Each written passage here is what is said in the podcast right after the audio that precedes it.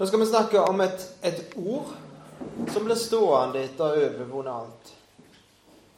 Og det er, det er ikke tilfeldig at det er tema når det gjelder Daniels bok. For Daniels bok er en omstridt bok. Er voldsomt mange av ekspertene som mener at Daniels bok er skrevet på en annen tid enn enn det hun sier at hun er skrevet på. Hun skrev etterpå. Og grunnen til at de mener det, det er rett og slett at det er så nøyaktige profetier i Daniels bok at de sier at det går jo ikke an. For de tror i utgangspunktet ikke på profeti. Så sier de at dette må ha vært skrevet etterpå, for profeti finnes det ikke. Men det kan jo vi lett uh, svare på, kan vi ikke? Vi som ikke er professorer i teologi og ikke har vi, ja, vi, vi, har jo litt lite å stille opp med når vi møter mot sånne argumenter fra folk som har doktorgrader, og så sitter vi der som tullinger. Kan vi, kan vi stole på, på Bibelen? Hvorfor tror vi egentlig på Bibelen i det hele tatt? Er det for at eh, mamma og pappa trodde på Bibelen? Og så har de gitt det med oss ifra vi var bitte små. En tillit til den boka, så tror vi det som står der. Og så har det vært så i vår kultur. Det er jo ikke så nå lenger, men det har vært så. Og det er så i bedehuskulturen, som er tilhører, at eh, vi tror jo på Bibelen. Og vi tenker ennå ikke alltid så voldsomt mye på hvorfor vi tror på den, vi tror på den. Eller er det rett og slett at vi er uvitende? Det er for at vi ikke vet det som professorene vet. Det er for vi tror på det. Vi vet ikke alle, de feilene som de har funnet, og alt dette greiene. Så, så det er derfor vi tror. Så det er rett og slett litt, sånn, litt barnslig å, å tro da, i så fall. Uvitende og, og, og barnslig. Men det er en del ting som, som gjør En del faktating som, som gjør at vi kan tro på Bibelen. Det er flere ting som gir oss tillit til den boka. For det er jo ikke så at voksne folk går rundt og tror på Bibelen bare fordi mamma og pappa sa det. Og det er helt naturlig av unger å stole på foreldrene sine. Det er jo så det skal være. Det er så det er. Vi stoler på foreldrene våre. Det som foreldrene sier er sant, det er sant. Og det som lærerne sier er sant, det er jo, tror jeg stort sett er sant òg. Selv om de til meg ikke engang kan begrunne det de sier. De har bare lært det på skole sjøl. Og de vet ikke helt for de heller. Og så stoler vi på folk som, som er autoriteter i livet vårt. Men på et eller annet tidspunkt så heller ikke det. Det heller ikke når du, når du møter på livets realiteter. Og det heller ikke når du møter på eh, lærdom og kunnskap og når folk begynner å studere og sånne ting, så heller ikke det med sånne barnetru, som en kaller det for. En må ha mer grunner enn bare at mamma og pappa sa det. At de sa det på bedehuset når jeg vokste opp. Og Bibelen har vist seg å være troverdig i historiske fakta. Og Det vil si at det, det vil ikke si at det ikke er noe som er vanskelig i forhold til historien. Det er arkeologer i dag òg som, som, finner ting og graver opp ting, eller ikke graver opp ting. De sier at de fant ingenting. Så her kan det ikke ha vært noe. Og det har skjedd mange ganger. Men det som har skjedd, det er at når arkeologene har sagt nei, vi finner ikke spor med etter dette her som det står om i Bibelen, så går det noen år, så finner de spor. For det går faktisk ikke an å si noe eller bevise noe med arkeologi, at noe ikke fins. For de har jo ikke grovet opp alt alltid mer å grave. Og alltid gjerne grave dypere. Det alltid gjerne grave på andre plasser. Så de kan godt si at vi har ikke funnet spor av det, men det betyr ikke at det ikke skjedde. At det ikke er sant. Men når det er blitt gravd opp, så har det bekrefta det som står der. Og de historiske faktaene som står i Bibelen, de har vist seg å være troverdige. Og det er, det er viktig, for Bibelen er ikke en bok som er liksom bare svever der oppe i det blå. Det er en bok som, som er knytta til historien. Altså Juleevangeliet som vi nettopp har hørt, det blir plassert på et bestemt punkt i historien der bestemte folk regjerte. Og der skjedde det noe. Og hvis ikke det skjedde så som det var, så mister det troverdighet. Og Jesu oppstandelse, hvis ikke den skjedde faktisk, historisk, er sann, så mister hele greia sin troverdighet. Så Gud setter, eller Bibelen som bok setter sin troverdighet på spill med å være historiske. Og vise til at det skjedde det og det året. Den, I den og den kongens regjeringstid. Og Der har det vært ting i Daniels bok der en har sagt nei, men det var jo ikke han som styrte da. Og så har en funnet ut at det var han som styrte. Det var bare det at han som var egentlig konge, han lot noen andre gjøre jobben for seg. Det var han som styrte. Og så er det én ting til i forhold til historien, og det er oppstandelsen og kristendommens historie. For det som en har sagt, det er et oppstandelsesforma hull i historien. Det som skjedde med at kristendommen spredde seg på den måten han gjorde, og fikk innflytelse på den måten han fikk, hvis oppstandelsen var oppdikta, at den ikke skjedde, men det var bare noen som satte seg ned og fant på at de skulle dikte opp en historie. Så er det et digert hull i historien. Du kan ikke forklare det. For det er ikke en forklaring å si at det, her dikta de dette her bare opp. For da må du svare på spørsmålet hvorfor i verden skal gjøre det, da? Jo, for at de kunne bli rike og berømte. Men de ble ikke rike og berømte. Tvert imot så måtte de gå i døden for det som de hadde, i så fall hadde dikta opp. Hvem gjør det, da? Dikte opp noe som du ikke har noen ting å tjene på, som bare koster deg alt, og så går du i døden for det. Det er en dårlig forklaring. Den hadde slitt i en rettssal. Og i tillegg, hvis du skulle dikte opp oppstandelsen, så hadde de kanskje ikke tatt og dikt opp at det var noen damer som kom der først. Og så, for det var ikke regna som det mest troverdige vitnesbyrdet på den tida. For damer var litt lavere på rangstigen, og deres vitnemål telte ikke så høyt i, så, som en mann sitt i, i rettssaker og så. Så det er ikke dikt opp. Det er det dumt, det.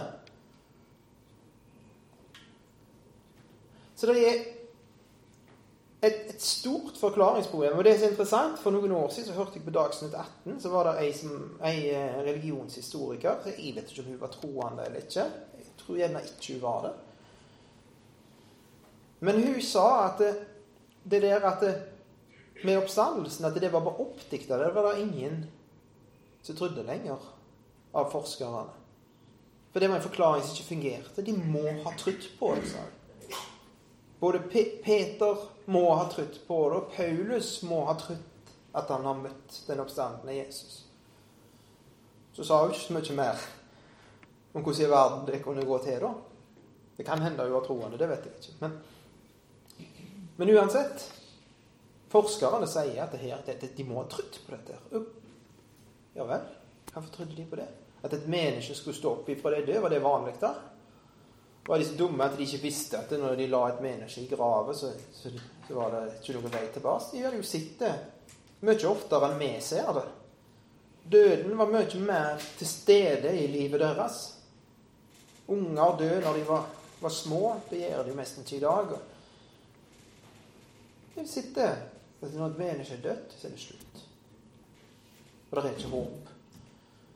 Og så skulle de dikte opp at en sto opp ifra de døde. Og så skulle det føre til at det spredde seg over hele verden. Det er et hull i historien.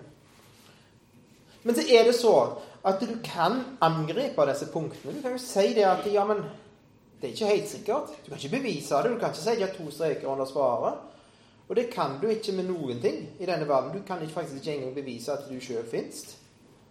Og iallfall ikke at jeg fins. For jeg kan være noe som du drømmer om akkurat nå.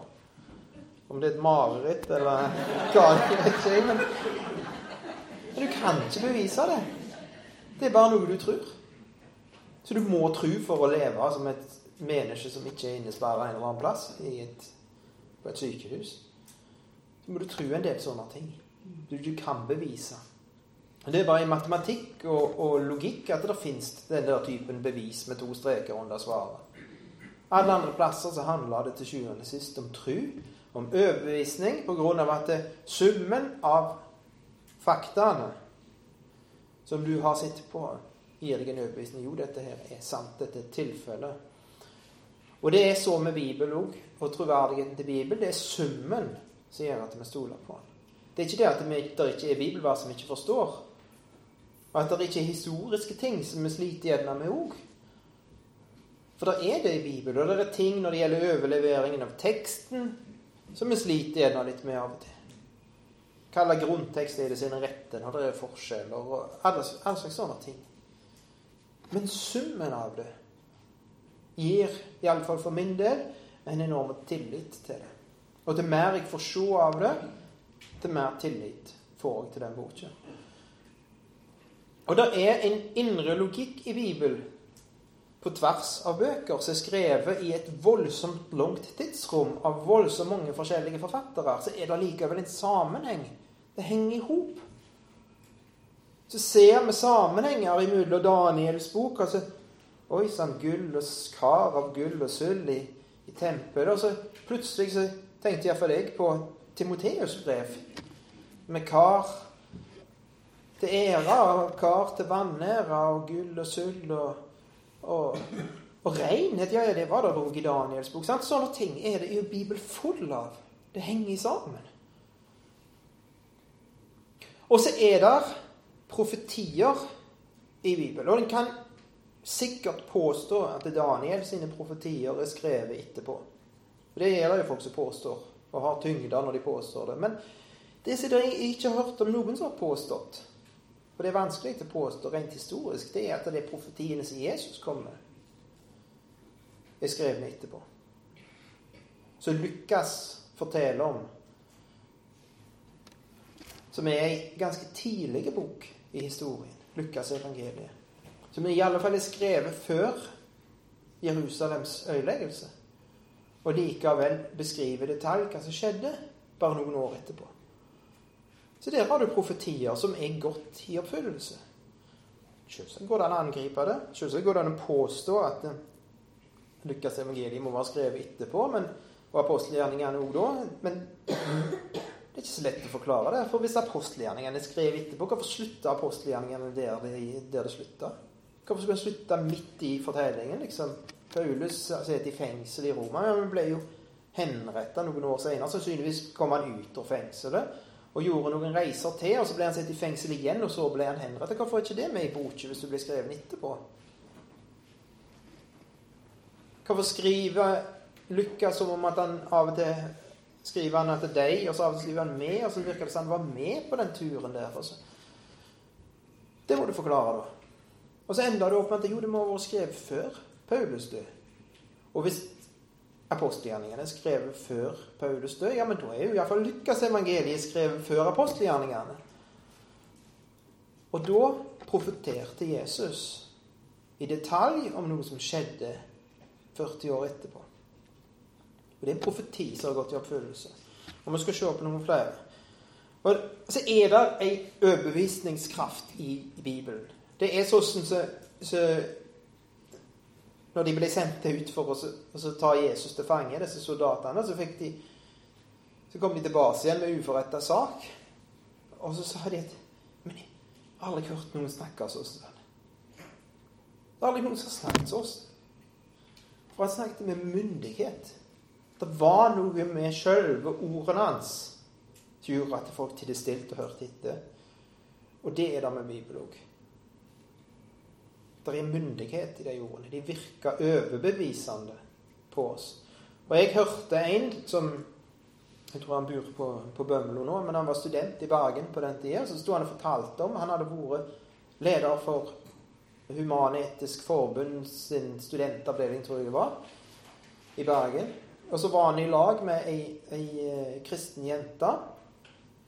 Og hun hadde funnet ut at hun, hun var glad i han, men hun måtte gjøre det slutt, har du funnet ut. For at eh, de delte ikke det aller viktigste i livet. Så hun kunne ikke gifte seg med han, så hun gjorde det slutt. Og så det, gjorde det et sånt inntrykk på han, for han visste at hun var glad i han. Og så spurte han seg sjøl hva hjelp har kan gjøre at hun likevel velger å gjøre det slutt. Hva er det som er så verdifullt for henne? Dette må jeg finne ut av. Og Så begynte han å lese Johannes evangeliet, og så sa han det at når jeg kom til kapittel så og så, så måtte jeg bare omvende meg. Han ble overbevist. Og det er overbevisningskraft i de ordene. For de som oppriktig og ærlig leser det, så overbeviser det. Men så er spørsmålet da kan vi, kan vi stole på Daniel? At Daniel er skrevet når det er skrevet. Da skal vi, kan vi først se i ei bok som det ikke er omstridt når er skrevet, nemlig Esekiel. Og dere de lærde enige om når den er skrevet. Og Esekiel han nevner Daniel i kapittel 14 og vers 14. Så står det Og selv om da disse tre mennene, Noah, Daniel og Jobb, var der i landet, da skulle de ved sin rettferdighet bare kunne berge sitt eget liv, sier Herren. Ja, det kan jo selvsagt ha vært en annen Daniel, men hvordan er Daniel er det, da? Hvor står det om han?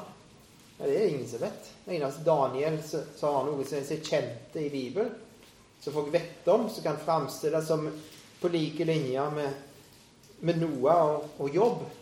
Det må jo være da profeten Daniel. Og i vers 20 i samme kapittel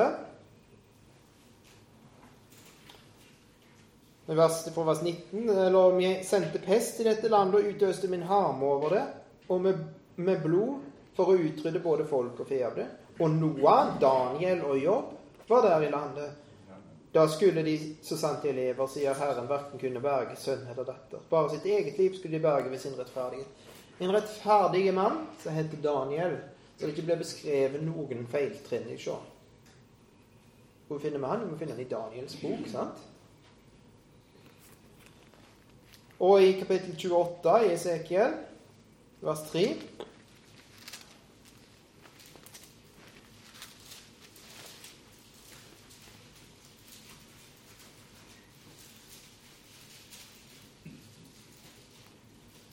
Ja, du er visere enn Daniel. Intet skjult er dunkelt for deg.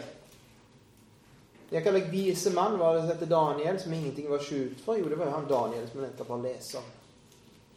Så Esekiel nevner Daniel, og han skrev før disse tingene skjedde. Så Daniel profeterer om. Da skal vi slå opp i Daniels bok kapittel 11.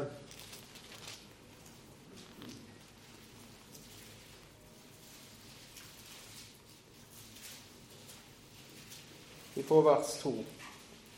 Og Det er et kapittel som i, i, min bibel, og sikkert i mange av deres bibler, er fullt med fotnoter, med stjerner og så noe som står med lite skrift ned forbi. For dette er nøyaktige profetier om ting som vi kan lese om i verdenshistorien. Eh, og da står det først i vers 2.: Nå vil jeg kunngjøre sannheten for deg. Se, ennå skal det komme tre konger, stjerner hva tre konger? Jo, Kambusses, Smerdes, Darius, Hustaspes. Altså tre konger over Persia. Og den fjerde, stjerne, stjerne, Xerxes, også kalt Ahasverus, skal samle større rikdom enn dem alle. Når han har vunnet stor makt ved sin rikdom, skal han egge alle mot Grekenlands rike. Hva er Grekenlands rike? Jo, så skal det oppstå en veldig konge, stjerne, Alexander den store. Han skal herske med stor makt og gjøre som han vil. Og det var det han gjorde.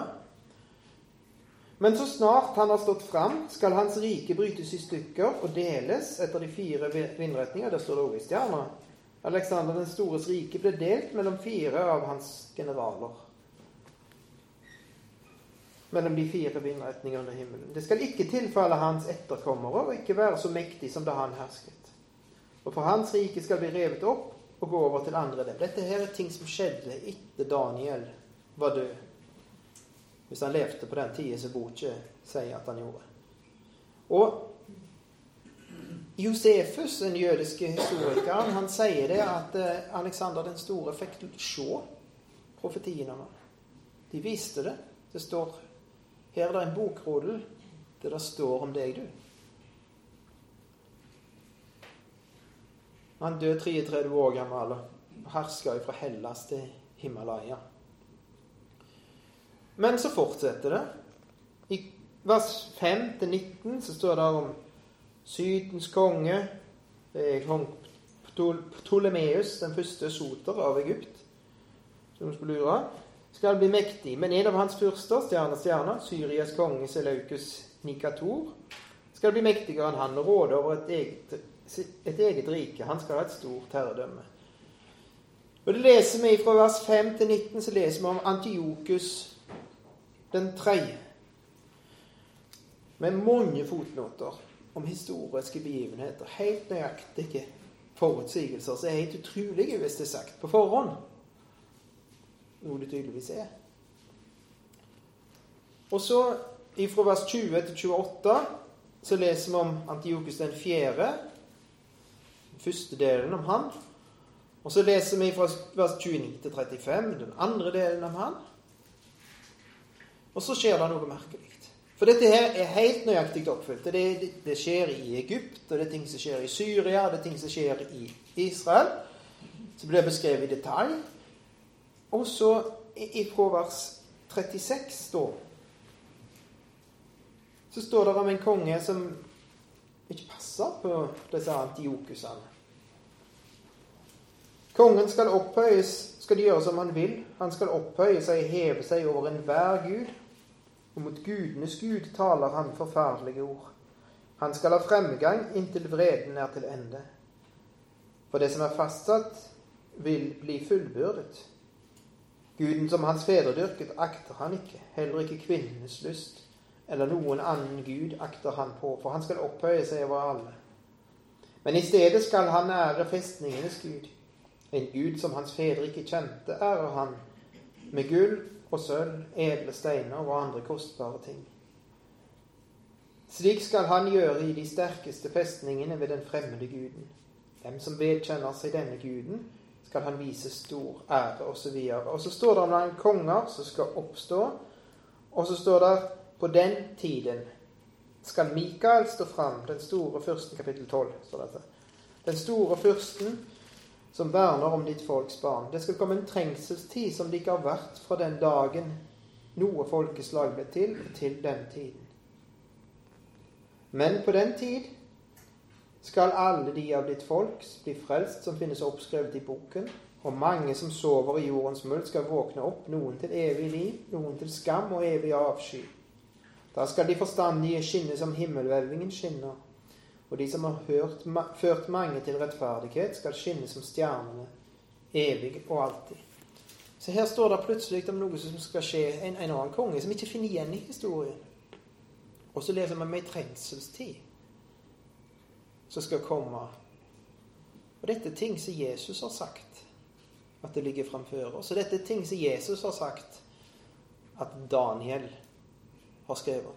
Så om vi ikke tror på noen av de andre vitnene, om at Daniel var en profet og skrev om framtida, så kan vi iallfall tro på Jesus som sa det. I Matteus 24, vers 15 står det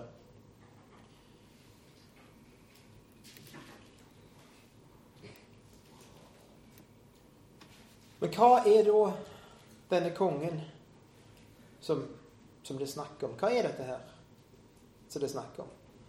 Da skal vi ta et hoppe litt tilbake i Daniel, til kapittel 9, fra vers 20. og Der står det om de 70 vekene, som vi kaller det. Årveker kaller vi det.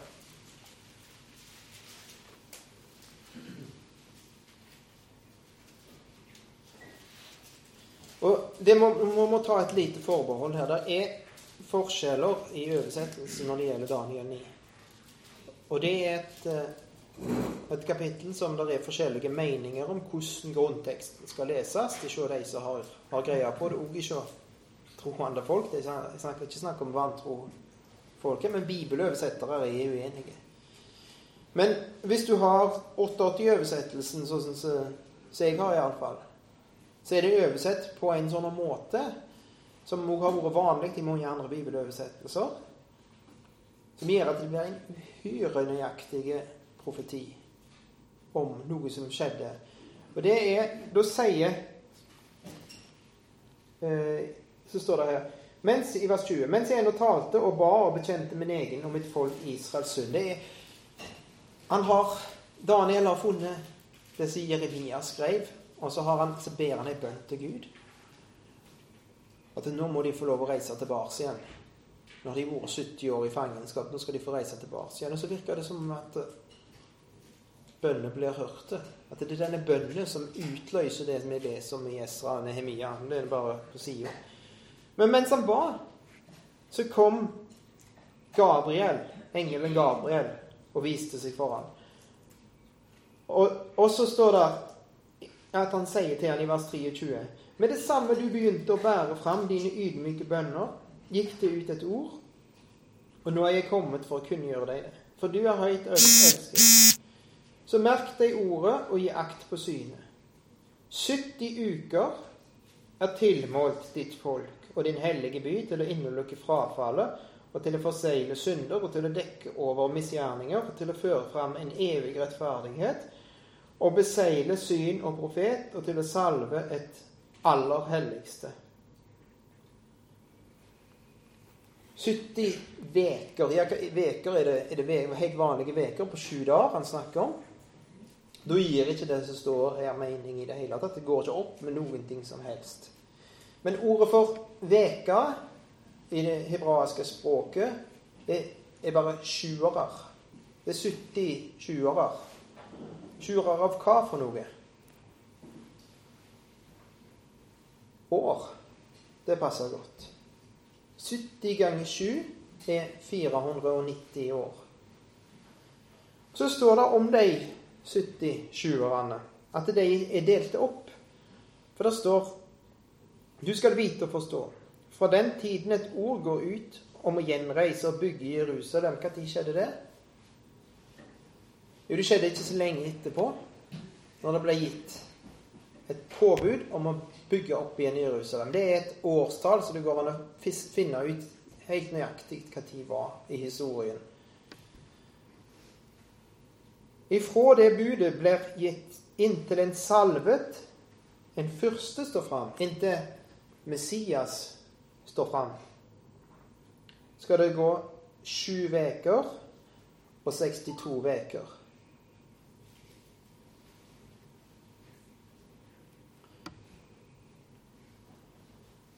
Det skal igjen settes i stand og oppbygges med gater og vollgraver, men under tidenes trengsel. Etter de 62 ukene skal den salvede utryddes og intet ha. Byen og helligdommen skal bli ødelagt av folket til den første som kommer, og slutten på det er oversvømmelse. Og inntil enden er det krig, ødeleggelse er fast besluttet. Altså Den salvede Messias skal stå fram etter 7 pluss 62 er 69 ganger 7 er 483 år. Ifra hva? Ifra 444 før Kristus. Det leser på mine hemja 2. Da skal det gå 483 Men når sto Messias fram? Jo, Messias sto fram når, når Jesus ble født. Jeg sto ikke fram da. Jeg sto han fram når han ble døpt av, av Johannes. Det gjorde han jo. Men det er en som heter sir Robert Anderson, som var politimann i, på slutten av 1800-tallet og begynnelsen av 1900-tallet i England, som granska dette her ganske nøye. Og han regna ut at det, dette her stemmer på dagen med den dagen Jesus rei inn i Jerusalem. Når Messias sto fram som konge og viste seg som konge idet han kom riende på et esel. Da gjorde han krav på å være Jerusalem sin konge når han rei inn i byen den dagen. Og dette stemmer på dagen. Hvis du regner måneår, for det, det med år er jo vanskelig. Men For jødene har en annen De, de bruker måneder som er, går til månefasene. og Det er jo bare 28 dager i en, eh, og litt til i en måned. Så går det ikke opp, og så må de ha noen skuddmåneder av og til.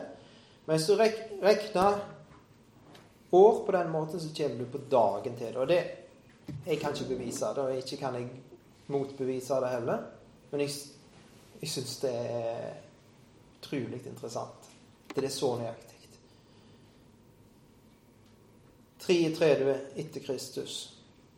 Så rei Jesus inn i Jerusalem, og så ble han, så det står, utrydda og hadde ingenting. Og mista alt tilsynelatende.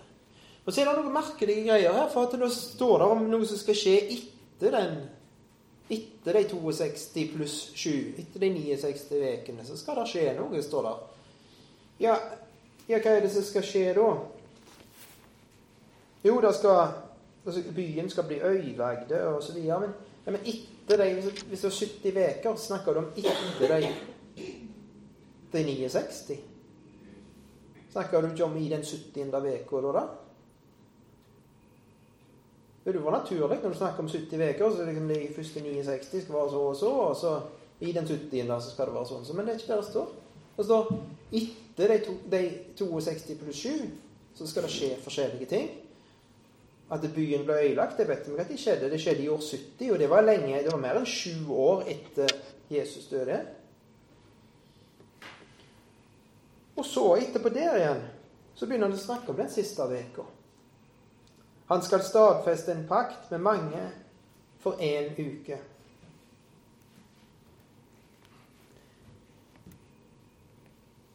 Midt i uken skal han bringe matoffer og slaktoffer til å opphøre. På styggedommens vinger skal ødeleggeren komme. Og det tilintetgjørelse og fast, besluttet straffedom strømmer ned over den som volder ødeleggelsen. Det kan jo se ut da som om det er ei, en pause mellom de 69 ukene og den siste. Et tidsrom. Er det bare tatt rett ut og løs av lufta? Bare frie fantasi for å få ting til å gå opp? Nei, Jesus refererer til det. Han sier det at når du ikke ser denne her ødeleggelsens vederstyggelighet, så det står om her På styggedommens finger skal ødeleggeren komme. Når dere ser det, så skal dere gjøre noe, sier Jesus til de som hører på ham. Så Jesus også så på den veka som framtidige. Og hvis vi blar helt til den siste boka i Bibelen, så leser vi om den siste uka. For det blir fortalt i detalj om en periode som kommer, som er framtid. Den samme trengselstida som vi leste om tidligere. Der det skal bli vanskelig for denne verden. Det skal bli vanskelig for de som tror. Det er noen der som lever på den tida, som må gå i døden for at de tror. Og det er ei tid der, der løgnen hersker på en sånn måte at det, det er en Ja, det, det er nesten til at det, det er liksom ingenting igjen. Det er ei tid der det som var beviset på at Gud var Gud i Det gamle testamentet, nemlig at han talte. Og at han var den Gud som sendte ild fra himmelen når, at de møter, når, han møter opp i kamp med Baal på, på Karmelfjellet. Det klarer vondskapens makter å gjøre i åpenbaringen. Og de klarer å føre krig imot de hellige og vinne over dem. Og det ser ut som Gud er død.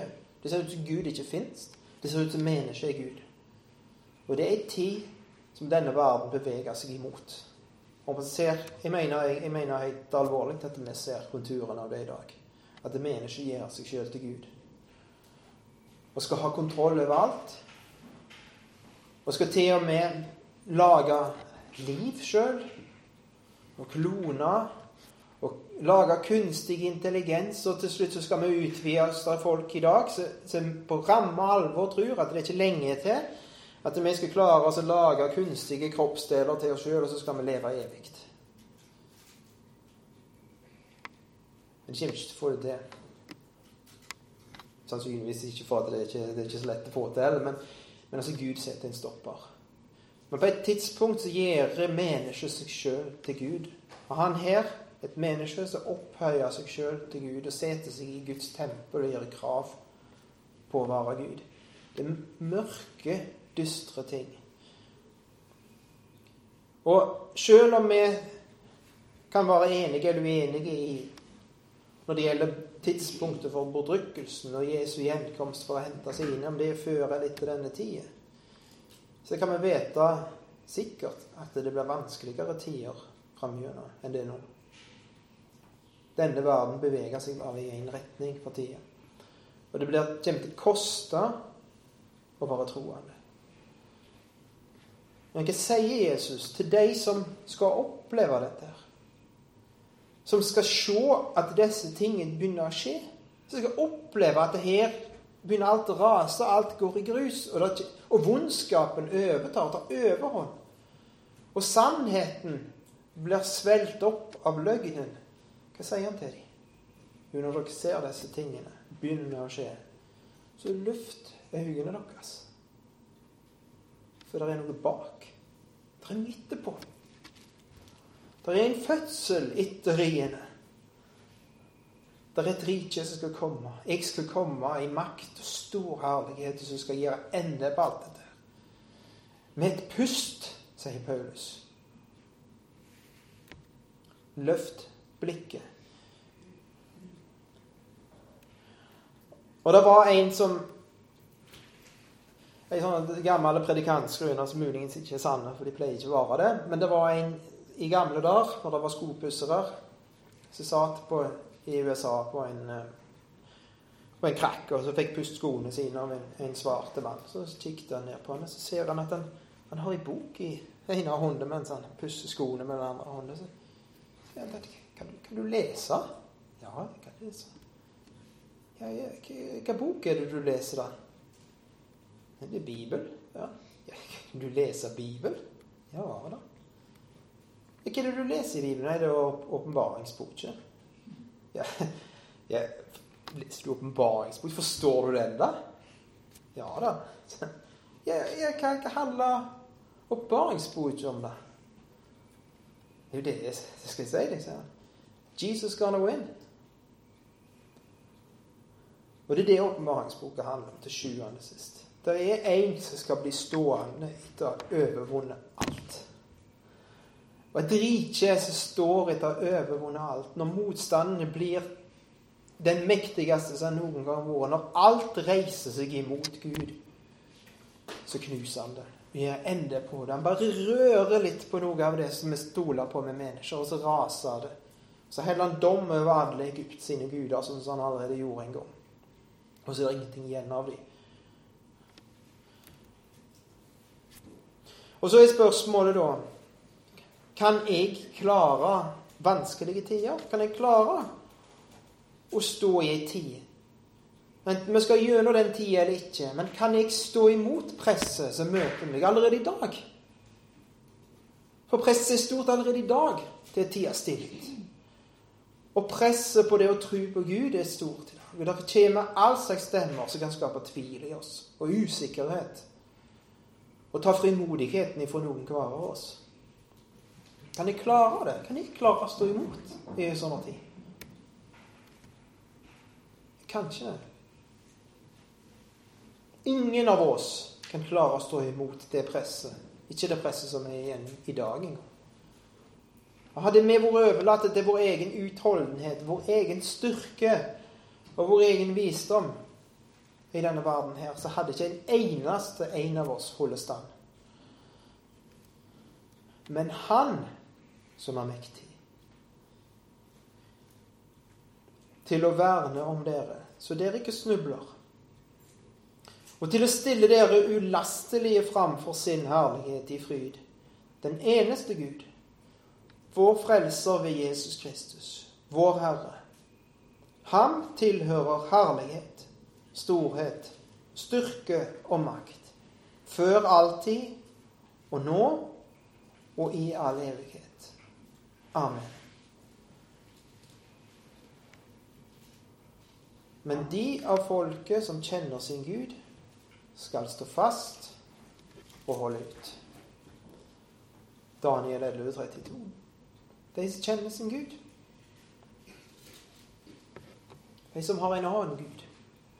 De som har en Gud som, som er min dommer, sånn som navnet Daniel fortalte.